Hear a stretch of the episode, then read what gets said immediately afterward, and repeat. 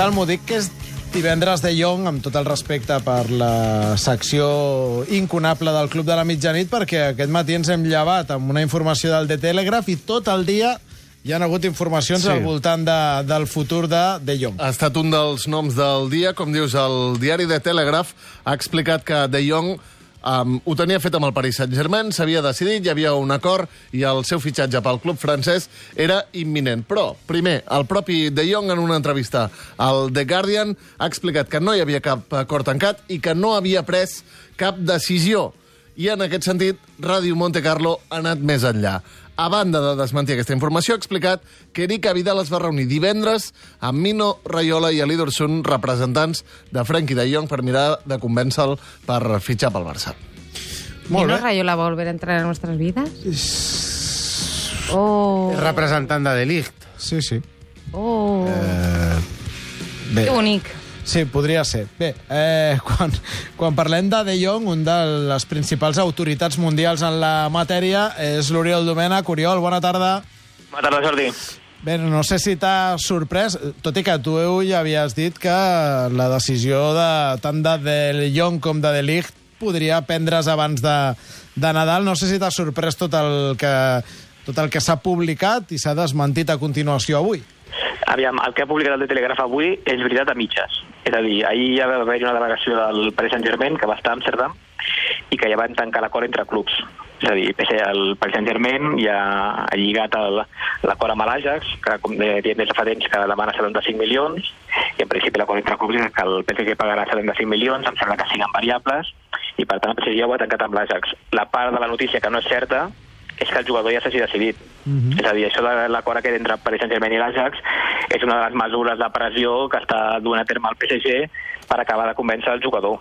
perquè entén que doncs, lligant a l'acord amb l'Ajax doncs, que creuen que el jugador estarà més per la labor de la, de la Paris Saint-Germain. Igual que, que fa una setmana també van viatjar molta gent de París a, a Amsterdam i van estar dinant amb el jugador i tota la família, igual que l'Mbappé li envia eh, missatges, doncs, bueno, és una de les coses més que està fent el Paris Saint-Germain, però el jugador diria que encara no s'ha decidit. Per tant, d'això que ens expliques, interpreto que si De Jong ara digués no, mirin, jo vull anar al Barça o al City, aquest acord entre l'Ajax i el PSG no tindria cap, cap, eh, cap Cap valor. validesa. No, no, no. Aquest acord és en funció d'aquell jugador que va dient que, que se'n va al Paris Saint-Germain.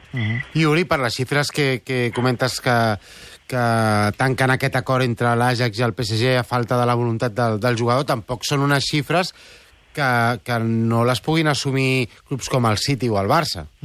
Jo he defensat que és una xifra, aviam, a mi és un jugador que m'encanta i jo els, els invertiria no només per la qualitat del jugador, sinó per l'edat que té, 21 anys, 75 milions al dia d'avui, tal com està el mercat.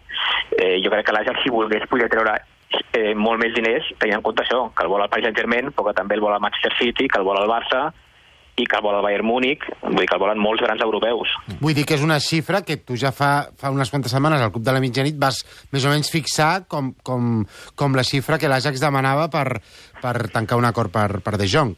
Sí, sí, l'Ajax des que es va tancar el mercat d'estiu a principi de setembre ja va comunicar als representants dels dos jugadors, tant a Delic com De Jong, quin era el preu. Per De Jong demanen 75 milions i per Delic serà una mica menys. Jo crec que estarà entre 65 i el 70.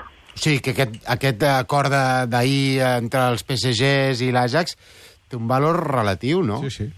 Bueno, no, no, no té cap valor fins que el jugador no, no es decideixi. Però ja et dic, jo crec que el PSG s'està movent molt bé. Jo crec que si al final tant Delic com De Jong acaben en el PSG, tothom pensarà que és perquè aquí hi ha molts diners, es mouen moltes comissions i fitxes molt altes, però jo crec que el PSG està treballant molt amb, amb detallets, com aquest acord amb l'Ajax, com el que us he comentat abans de- d'Mbappé pressionant els jugadors, eh, Maxwell, per exemple, que, que està la direcció esportiva del, del Paris Saint-Germain, com bé sabeu, estava representat per Mino Raiola, que Mino Raiola porta de Lic, i que estan movent molt per intentar fitxar aquests dos jugadors.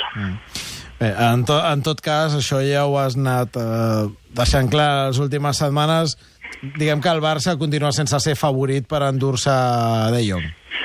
Jo crec que no. Jo crec que el, és entre Paris Saint-Germain o Manchester City. Uh -huh. també, també et diré que la, a partir de la notícia d'aquest matí, que ha sortit a primera hora de, de, de matí a Amsterdam, bueno, a Holanda, eh, hi ha hagut molts clubs que ja s'han començat a moure, eh? perquè normalment les notícies del Telegraph, el, el, el tema de l'Ajax sempre són, són molt verídiques, i jo crec que, que, que avui tant Manchester City com Barça com altres clubs avui s'han mogut per intentar evitar, si és que es pot evitar, que, que el jugador vagi al Paris Saint-Germain.